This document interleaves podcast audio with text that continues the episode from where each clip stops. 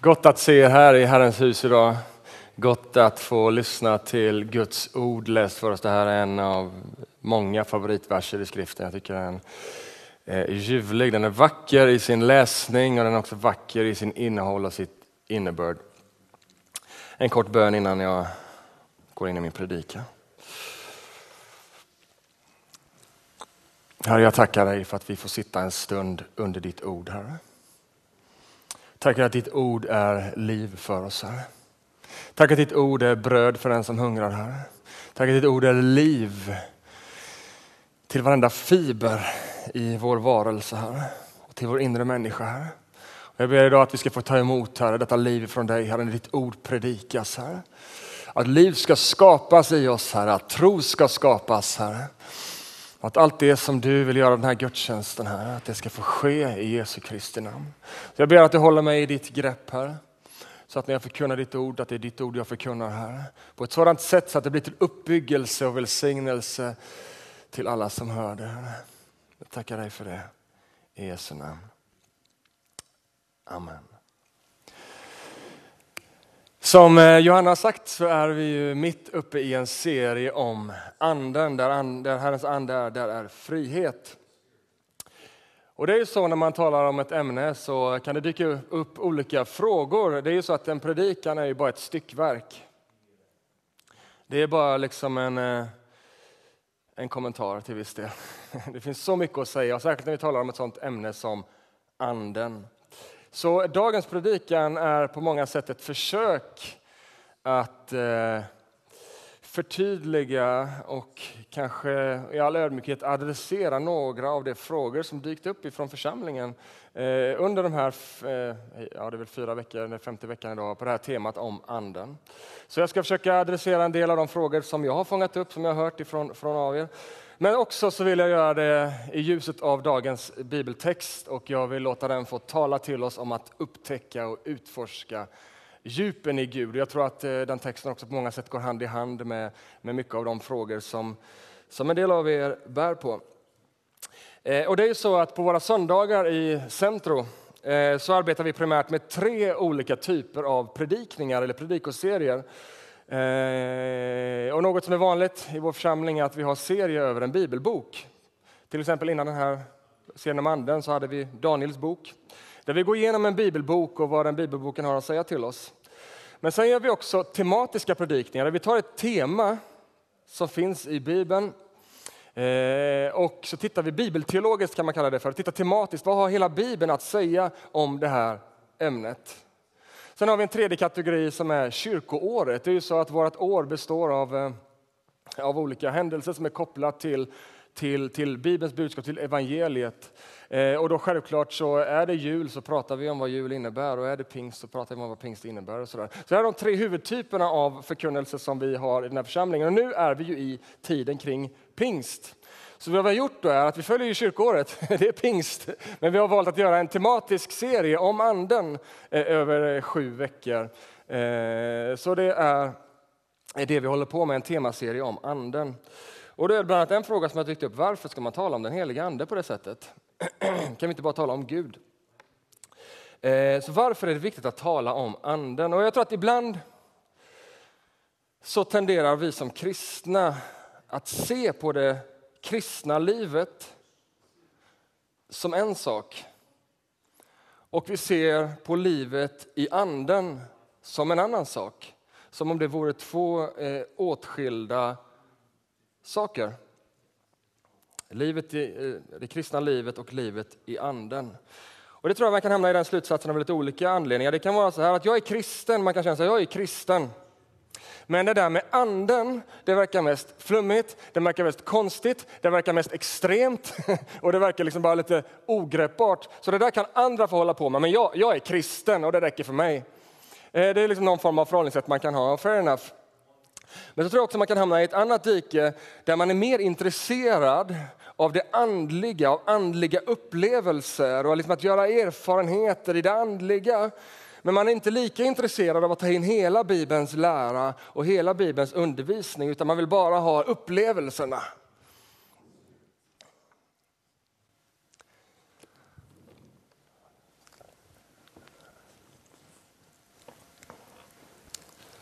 Men det kristna, det finns ingen åtskillnad mellan det kristna livet och livet i anden. Utan det kristna livet är ett liv i anden, genom anden. Det kristna livet är en inbjudan att lära känna Gud som han är. Och hur är Gud? Jo, Gud är Fadern. Gud är Sonen och Gud är den helige Ande. Så vad är det kristna livet? Det är en inbjudan att lära känna Gud så som han är. Gud som Fadern, Gud som Sonen och Gud som den helige Ande. Fadern, den allsmäktige, skaparen. Han som är överallt, bortom allt. Han som är så stor så vi inte kan förstå en så liten del av vem han är. Gud som sonen, försonaren. Han som kom hit ner för att dö för vår synd. Gud som sonen, han som är Gud begriplig. Han som är Gud uppenbarad. Vi ser hurdan Gud är när vi ser på sonen. Men sen bjuds vi också in att lära känna Gud som den helige ande. Gud närvarande.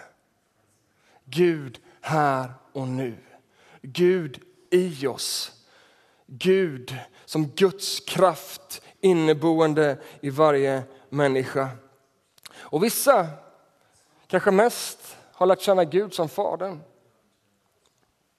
Andra kanske mest har lärt känna Gud som Sonen. Andra kanske mest som Anden.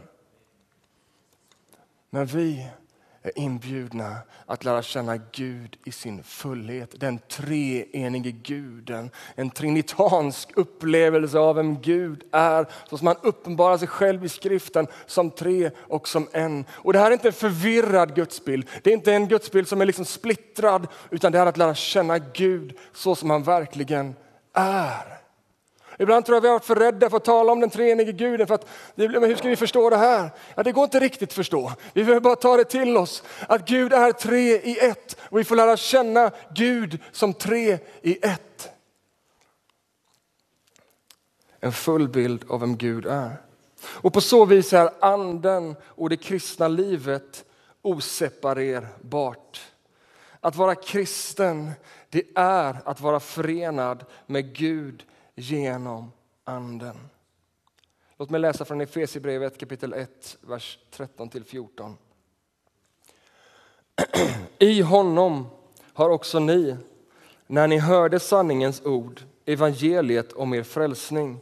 I honom har också ni, när ni kom till tro, fått den utlovade helig ande som ett sigill Anden är ett förskott som garanterar vårt arv, att hans eget folk ska befrias till, till hans ära och pris. I honom har också ni, när ni kom till tro, fått den utlovade helig ande. Vi har fått anden som ett sigill, som ett bevis på att vi tillhör Gud, att vi är Guds eget folk. Genom Jesu försoning har det som skilt oss från Gud raderats så att vi genom anden kan leva med Gud i förening. Och Det är just detta som frälsningen består i. Och Ibland tror jag att vi inte har riktigt en förståelse av vad frälsningen är för någonting. Men frälsningen är att Jesus Kristus har försonat dig. Det är försoning genom vad Jesus Kristus har gjort. Och det möjliggör också förening med Gud genom anden. Försoning och förening. Det är vad frälsningen handlar om. Vi har blivit försonade så att vi också kan bli förenade med Gud genom anden. Så när vi nu talar om livet i anden, det vi gör nu hela den här våren i princip, så talar vi inte om något annat än att vara kristen. Vi talar om att vara kristen och vi talar om vad frälsningen innebär och vad det är för någonting. Vi talar inte om kristen extremism eller inte heller om något som liksom är, är där ute i periferin. Utan vi talar om vad det innebär, innebörden av att vara en kristen, av att ha blivit förenad med Gud. Det kristna livet är ett bejakande av att Guds närvaro har tagit sin plats på din insida. Och Det är nästan så stort som vi inte kan ta in till oss. Men vet du vad? Du har blivit förenad med Gud. Guds närvaro har tagit sin plats på din insida. Så när vi talar om anden, som vi gör i den här serien, så påminner vi oss om detta, att du har blivit förenad med Gud. Men att tala om anden är inte bara en påminnelse, utan det är också en upptäcktsresa att utforska innebörden av att Gud har tagit sin boning i mig. Vad är innebörden av att Gud, att jag blivit förenad med Gud? Vad betyder det att Gud bor på min insida? Det måste ju förändra allt. Ja, det är just det. Det förändrar allt.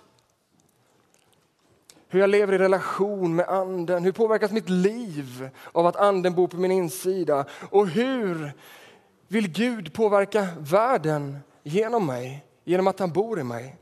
Och vi börjar den här serien med att tala om att vandra i anden, att varje troende har en ande, att ha anden och vi kallar att vandra i anden. Och att vandra i anden är att bli mer och mer Kristuslik, att, att, att, att, att eh, andens frukt får växa fram. Sen fortsatte vi att tala om att vi kan ge anden mer eller mindre inflytande i vårt liv. Och Paulus använder bilden av att kontinuerligt låta uppfylla sig med anden. Och vi har talat om nu i två söndagar om den andliga verklighet som vi befinner oss i och hur vi genom, genom ordet och anden har fått en rustning att skydda oss mot djävulens lögner. Vi talar talat om vikten av att leva i sanningen, vikten av att göra upp med bitterhet, vikten av att göra upp med oförlåtelse och all annan synd i våra liv så att vi inte ger djävulen något utrymme. Men vi har också talat om att vi inte behöver frukta. Därför att han som bor i oss, Gud själv genom sin ande, han är större än den som bor i världen. Därför kan vi vara frimodiga, därför behöver vi inte vara rädda utan vi kan leva trygga med Gud i den här världen. Och allt detta är uttryck för vad anden gör i oss. Och det här är bara ett axplock, vi är fullt medvetna om det. Men det är lite av innebörden av att anden bor i oss. Det finns så långt mycket mer. Vi kan tala om att uppleva Guds röst och att höra Gud tala. Vi kan tala om andens alla gåvor och uttryck. Och det finns så mycket att utforska när det gäller anden, därför anden är Gud. Anden är inte någonting annat. Anden finns inte på den valbara menyn. Anden är menyn som Gud har erbjudit oss att ta emot, att njuta av och att äta av. Att göra erfarenheter med anden, att anden verkar i dig, andens frukt och gåvor, att Gud får manifestera sig i ditt liv. Och det är något med syften, så varför pratar vi om anden? Ja, allt detta är något av syftet med att ha en serie där vi lyfter fram livet i anden. Och jag tror att det är någonting vi får återkomma till hela livet. Det är därför det också finns i kyrkans år, pingst. Vi påminner oss om att Gud har kommit nära genom anden. Och vi får också fortsätta att utforska innebörden av detta. Och som jag redan nämnt så talade jag för tre veckor sedan utifrån den här texten av att kontinuerligt låta sig uppfylla sig med anden. Och då har en fråga dykt upp från flera av er. Kan man ha mer eller mindre av anden? Och vi, vi läser från Efesierbrevet 5 och 18 där det står så här. Berusa er inte med vin. Det leder till ett liv, det, det leder till vårdslöshet. Låt er istället allt mer uppfyllas av anden. Det här är en klar uppmaning från Paulus att leva ett liv i kontinuerlig uppfyllelse av anden. Men vad innebär det? Om vi redan har anden i frälsningen, hur kan vi då alltmer låta oss uppfyllas av anden? Om vi redan har anden, hur kan vi då uppfyllas av någonting vi redan har? Om vi kan uppfyllas av anden, menar då Paulus att vi kan ha mer och mindre av denna ande? För menar, om jag kan uppfylla mig, då måste jag kunna ha mer eller mindre. Och Det är så fruktansvärt bra frågor som jag hört från flera av er som har fått mig att, wow, att dyka djupare in i ordet och djupare in i förståelsen av vad livet med anden innebär. Men en sak som är säker är att det är svårt att undvika att Paulus faktiskt ger oss en uppmaning att uppfylla oss av anden. Och Det är något som återkommer i skriften, att vi ska uppfylla oss av anden. Och Det här med andens liv, det är på något sätt ett samspel mellan Gud och oss där vi kan låta oss allt mer uppfyllas. Vi har inte kontroll över anden, vi kan inte styra honom, men vi ska ändå låta oss uppfylla oss av honom. Och vad menar då Paulus med det här? Ja, om anden hade varit en odiffus kraft. Jag tror många, inklusive oss själva, ibland har en bild av anden som en form av odiffus kraft. Om anden hade varit en odiffus och opersonlig kraft då hade vi kunnat ha mer eller mindre av det här odiffusa.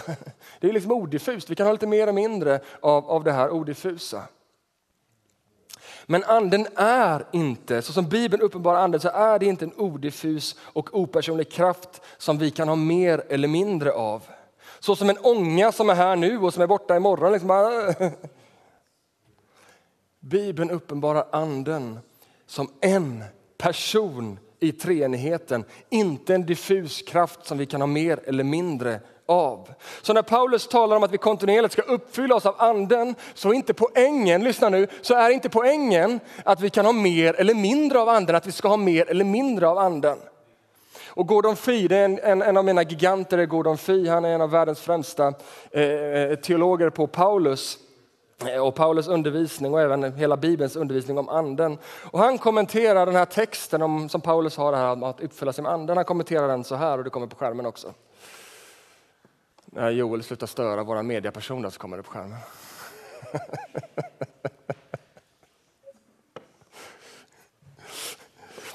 Att ta emot av anden är inte en statisk händelse eller bara en händelse i dåtid utan porträtteras som en pågående verklighet. Kvantitativt språk bör strikt undvikas. Alltså man får inte mer eller, man får inte mer eller bli fylld på nytt. Men erfarenheten av den ständigt närvarande helig ande kan blåsas till en flammande eld vi bör inte fastna vid terminologi eller teologisk perfektion utan istället fokusera pågående förnyelse så att vi i sanning blir Andens folk mitt i vår värld. Paulus är inte ute efter att kvantifiera hur mycket av Anden du eller jag har. Därför att anden kan inte vara delad.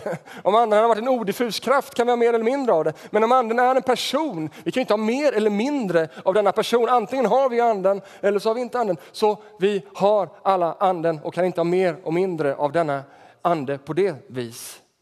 Så vad behöver vi göra då när vi läser Paulus och de här typerna av texter? Vi behöver förstå hjärtat i vad Paulus är ute efter. Så när vi säger att vi behöver mer av anden så är det fullt ut ett bibliskt språkbruk. Det är helt okej, okay. vi ska söka mer av anden. Det är vad Bibeln talar om. Men vi behöver förstå innebörden av vad detta mer betyder.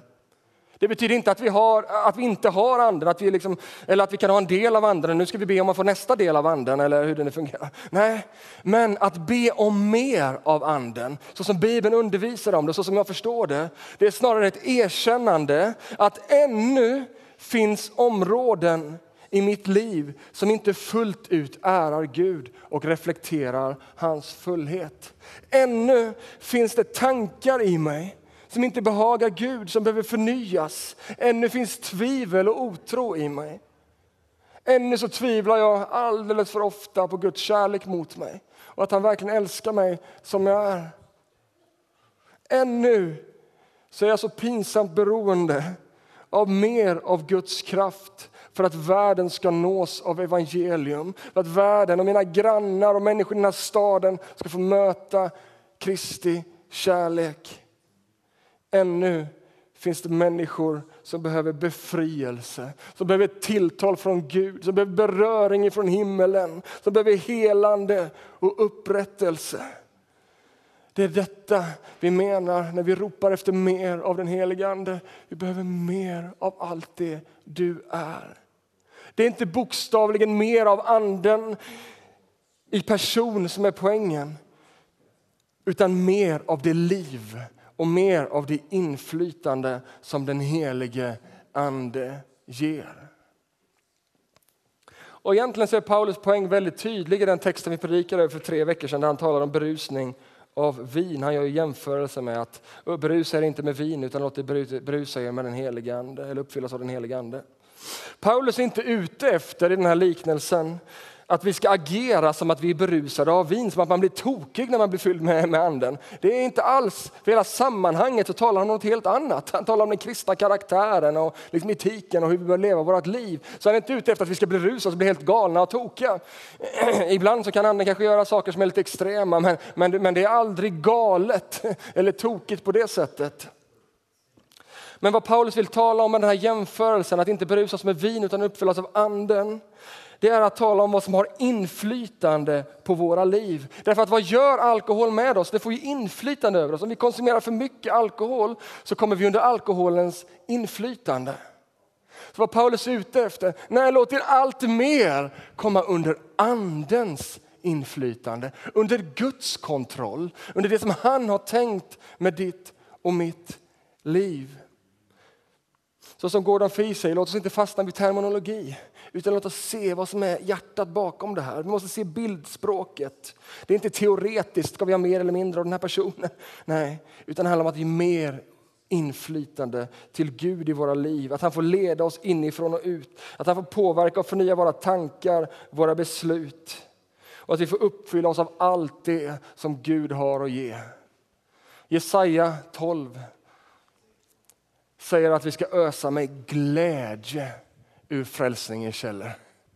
Så vad är det att be om mer av den helige Ande? Det är något glädjefyllt, det är något fantastiskt att ösa med glädje ur frälsningens källor. Att dagligen ösa. Vet, Jesus säger ju att anden är som en källa på insidan. Och hur ska vi göra med den då? Jo, vi ska ösa och ösa med glädje så att vi allt mer blir lika Kristus. Fyllda av hans kraft och närvaro och härlighet. Därför att anden i oss utforskar djupen i Gud. Låt oss lyssna till första Korinthierbrevet kapitel 2. Vers 9-10. Men som skriften säger, vad ögat inte sett och örat inte hört och människans hjärta inte anat, det har Gud berett åt dem som älskar honom.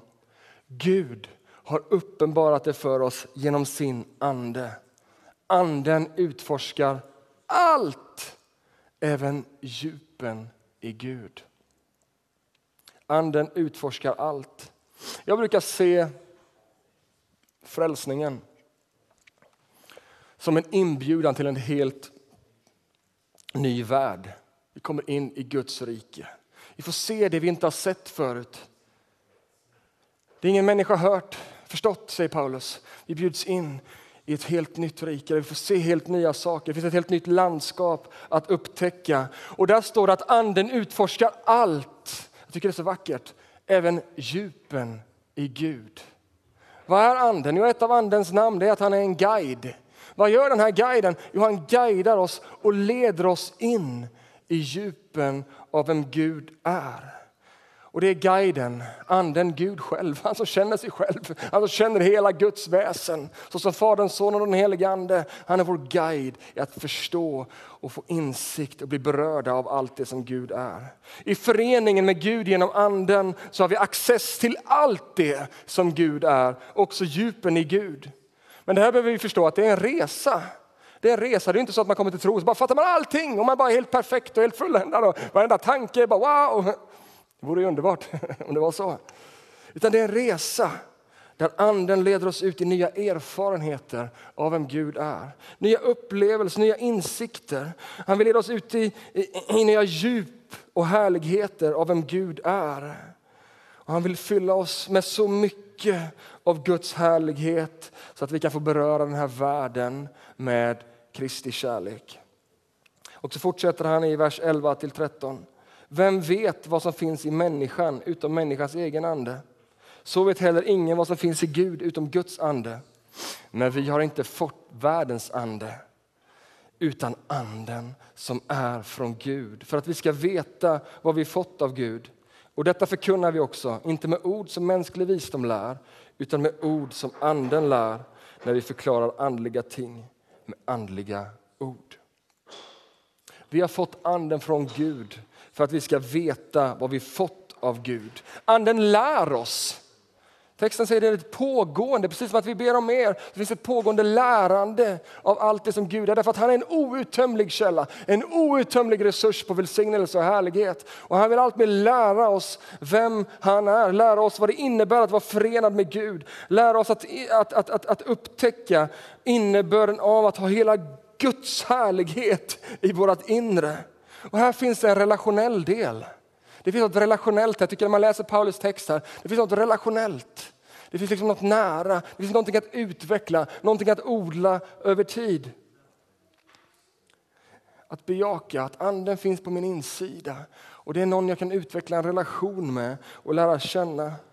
Och tänk vilken vacker tanke att vi bjuds in att med andens hjälp inte bara skrapa på ytan, det hade varit nog när vi bjuds in att upptäcka djupen i Gud. Det är som att Gud öppnar upp hela sitt hjärta.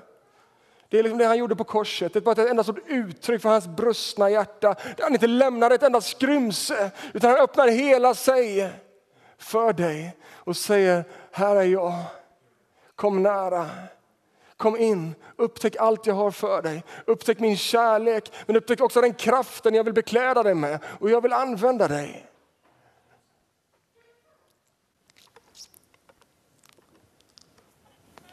Anden vill guida oss att utforska dessa djupen i Gud. Han vill guida dig när du läser Guds ord. När du är i bönen. När du utforskar dina, de gåvor som Anden lagt ner i dig och när du upptäcker nya gåvor. Anden är med dig för att guida dig, för att hjälpa dig att navigera. För att liksom finnas där så att han kan hjälpa dig att utforska det Gud har för dig. Anden är där och hjälper oss att guida när vi är i samtal med varandra, när vi träffas i våra små grupper och vi ber för varandra och vi samtalar så är anden där så att vi tillsammans kan förstå höjden, bredden och djupen i Guds godhet. Anden är också där med sin röst i vårt inre där vi kan få lära oss. Ni kommer ihåg att texten säger att han vill lära oss. Vi kan få lära oss att urskilja Guds röst bland alla andra röster. Vi kan få höra hans stilla viskning. Vi kan få höra hans, förstå hans uppenbarade vilja i ordet. Vi kan också få känna hans inre viskningar i vårt inre. Tänk vilken resurs som vi har fått på vår insida. Varför vill vi tala om anden? Därför att det är en rikedom. Det är hela det kristna livet att upptäcka och leva i denna gemenskap med Gud.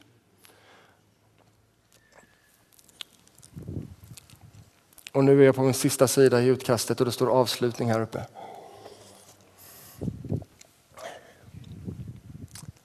Anden är en person jag tror det finns något centralt att förstå. Det finns mycket att förstå kring detta att anden är en person. Och en sak som jag har känt är så viktigt det är att vi utvecklar en relation med anden. Att vi inte behandlar anden som om att han vore en läskautomat där vi stoppar i ett mynt och så trillar det ut en Fanta. Stoppar vi i till mynt så får vi en Coca-Cola. Som om det vore liksom en automat att trycka en knapp på. Att utveckla en relation är inte mekanik. Läs ett kapitel till i Bibeln så får du en andlig gåva till. Kom igen nu, ett kapitel till så ska du få eh, lite mer av mina frukter. En kom igen nu, lite mer, be lite längre. Så blir du mer tålmodig och givmild. Hade han varit en läskautomat så hade det funkat så. Det är bara att stoppa in mer och mer, och mer så får vi ut det. Och vi har under den här serien nämnt olika sätt att fylla sig med Andens liv, att uppfylla sig med det Anden har att ge. Vi har talat om bön och bibel och tillbedjan, att spendera tid med Gud och inför Guds ansikte. Och allt det här måste vi se som exempel. Det finns ju hur mycket som helst att vi kan göra för att utveckla en relation med Gud. Men de här kanske är de uppenbara sakerna med liksom eh, ordet och bönen och, och, och, och de här sakerna. Men det här är inte mekaniska knappar att trycka på, utan det är sätt att utveckla en relation, att ge anden utrymme. Och när vi ger anden utrymme, när vi utvecklar en relation med den helige ande, då uppfylls vi också av mer av det han har att ge. Det är liksom ett kontinuerligt, liksom när vi umgås med någon så lär vi känna mer av den personen. Vi kommer in under Guds inflytande och vi ger Gud utrymme att leda oss, att tala till oss och verka genom oss. Men jag vill ta bort det där att det skulle vara någon mekanik. Nu ska vi liksom bara nu bara ska jag köra ett 100 meters lopp här i att uppleva mer av anden. Så nu bara ger allting, bara lägger ner allting annat för nu du kan uppleva anden här. Det här är ett liv att leva. Det är liksom någonting som är sustainable, vad heter det? hållbart över tid. Att leva i en relation och att, ut, eh, eh, att, att förstå allt mer av vem anden är och innebörden av att leva i en relation med honom. Så det är gott att vara i bön och i bibelläsning och i samtal med varandra. Det är ljuvligt. Och det är ett kontinuerligt uppfyllande när vi gör det. Men det är liksom inte någon form av belöningssystem. Är ni med mig vad jag vill, har, har, har jag sagt det jag vill säga? En relation att vårda.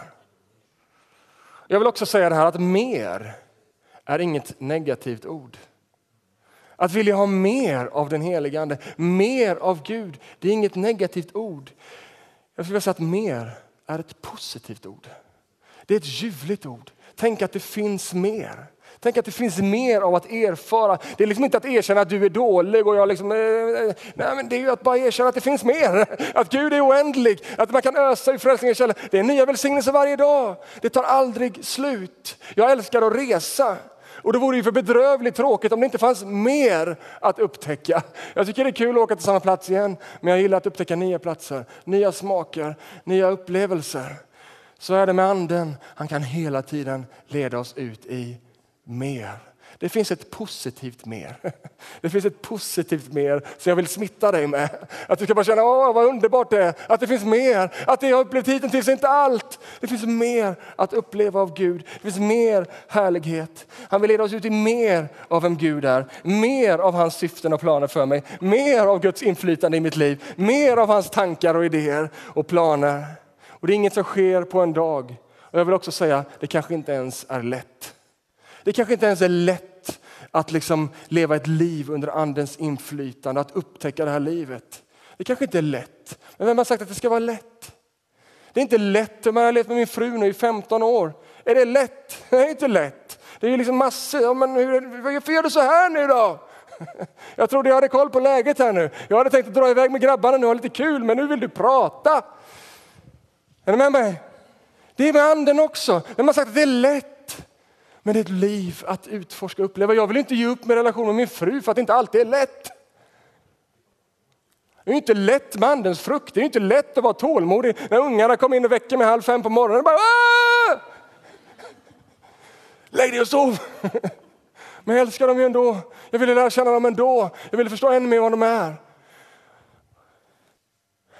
Och den här tålmodigheten som jag behöver mot mina barn och över hela mitt liv och mot min fru och mot mig själv. Och, är det lätt? Nej men i relationen med anden som får komma under hans inflytande och det får växa i mig över tid. Oj, oj, oj, oj, oj.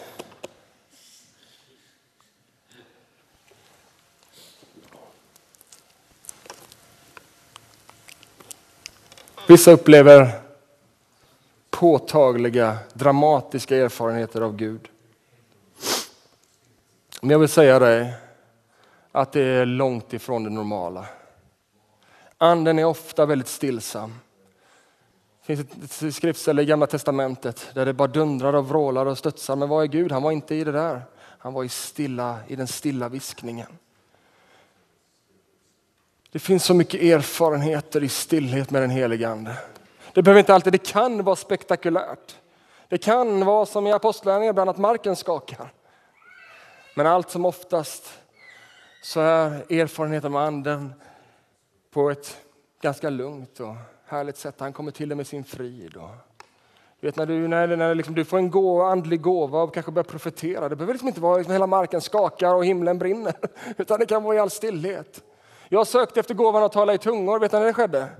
Det var inte i det brusande bönemötet där de bad för mig och liksom höll på att kämpa. Utan det var när jag la mig ner i mitt gula badkar. Gult och fult var det. Men där fick jag uppleva hur en gåva blev förlöst i mitt liv. I stillhet, i ett varmt bad. Halleluja. Mer varma bad åt folket. Det kan också vara så, eller jag skulle säga att det är så, att i perioder av våra liv så kan vi hamna i svackor i vår relation till Gud. Jag tror att vi realister måste vi erkänna att det är så. Det är liksom inte lätt det här som vi pratar om, utan det är ett liv som går lite upp och ner och ibland så tar andra saker överhanden. Och det här hände också Timoteus och Paulus han skriver till Timoteus i sitt andra brev till honom och, och vi kan läsa liksom hur Timoteus verkar ha tappat helt fotfästet och han verkar ha liksom tappat glöden och frimodigheten i sin tro och han var liksom rädd för vad som skulle hända honom om han, om han fortsätter predika Kristus. Timoteus som hade varit den här frimodiga evangelisten, han verkar ha blivit modfälld, han verkar ha tappat glöden. Jag tror vi i olika perioder kan känna igen oss i Timoteus liv. Det känns modlöst. Längtan finns där. Ibland finns inte ens längtan. Men vet du vad? Elden brinner på din insida ändå. Vet du vad? Elden brinner på din insida ändå. Den helige Ande lämnar inte dig för att du råkar tappa lite fokus. Den helige Ande lämnar, han lämnar inte dig. Han är hos dig. Du kan inte ha mer eller mindre. Du har anden i dig. Så även när Timoteus är mordfälld, han liksom bara gett upp sin kallelse kanske. Vi vet inte exakt, det står inte så mycket, vi kan liksom spekulera. Så säger Paulus vad då till honom? Han säger så här. Därför påminner jag dig, Timoteus, Låt Guds nådegåva flamma upp igen, den som finns i dig genom min handpåläggning. Gud har inte gett oss modlöshetens ande utan kraftens och kärlekens och självbehärskningens ande. Elden finns där. Men den flammar inte så klart och tydligt som den har gjort. Annat har liksom kommit in och liksom börjat liksom hålla elden på en liten timid nivå. Men vet du vad? Vad den här texten säger det är att den flammande elden är bara en vedpinne bort. Den flammande elden är bara en kolbit bort. I grundtexten, i grekiskan, så är Paulus uppmaning till Timoteus att lägga glödande kol på elden så att den flammar upp igen. Lägga glöd, jag vill påminna dig Paulus om den gåva som finns i dig. Att faktiskt lägga ett glödande kol på den här elden så att den får flamma upp igen är innebörden i texten. Jag kan se på mitt eget liv det perioder då elden flammat starkt i mitt liv, då Guds påtagliga värme, passion och glädje i tron varit där. Ja, men det har varit perioder där liksom gemenskapen med Gud har varit dyrbar för mig. Där ordet och gemenskapen med andra troende och bönen har varit dyrbar för mig. Det är olika kolbitar som finns i vårt kristna liv. Men också det så vill jag ge dig en uppmuntran. Att du är här idag är ett uttryck för att du lever ett liv där du vill lägga kol på elden. Där du vill att Guds närvaro och härlighet ska flamma mer i ditt liv. Att Gud ska få mer inflytande över ditt liv. Kanske känner du dig som Timoteus. Då är Gud här för att blåsa liv i din gåva. Då är Gud här för att låta det flamma till liv i dig. Det behöver inte vara något spektakulärt. Vet du vad? Gud får komma precis som han vill. Det är upp till honom. Men när vi lägger våra liv inför honom, när vi lägger en vedpinne på vår lilla eld, då kommer han och blåser liv i den. Det är inget jagande, men det är en positiv längtan. Mer, mer, mer av dig. Därför du Gud är en outtömlig källa. Därför det är aldrig mer fel att be om mer. Därför att det finns alltid mer att upptäcka alltid mer att erfara. Det finns alltid längre predikningar för mig att göra. kan jag aldrig sluta. Det finns så mycket härligt att säga. Därför att Gud är en outtömlig källa av visdom och kraft. Den helige Ande bor i dig och jag tror att den helige Ande ska få flamma liv i dig. Det kan vara dramatiskt för någon, det kan vara som en stilla susning för någon. Du kanske inte känner någonting, men då vet du att ibland är det kristna livet bara tro. Då är det bara att veta att den helige Ande bor i mig och det är gott som det är. Halleluja. Amen. Woo!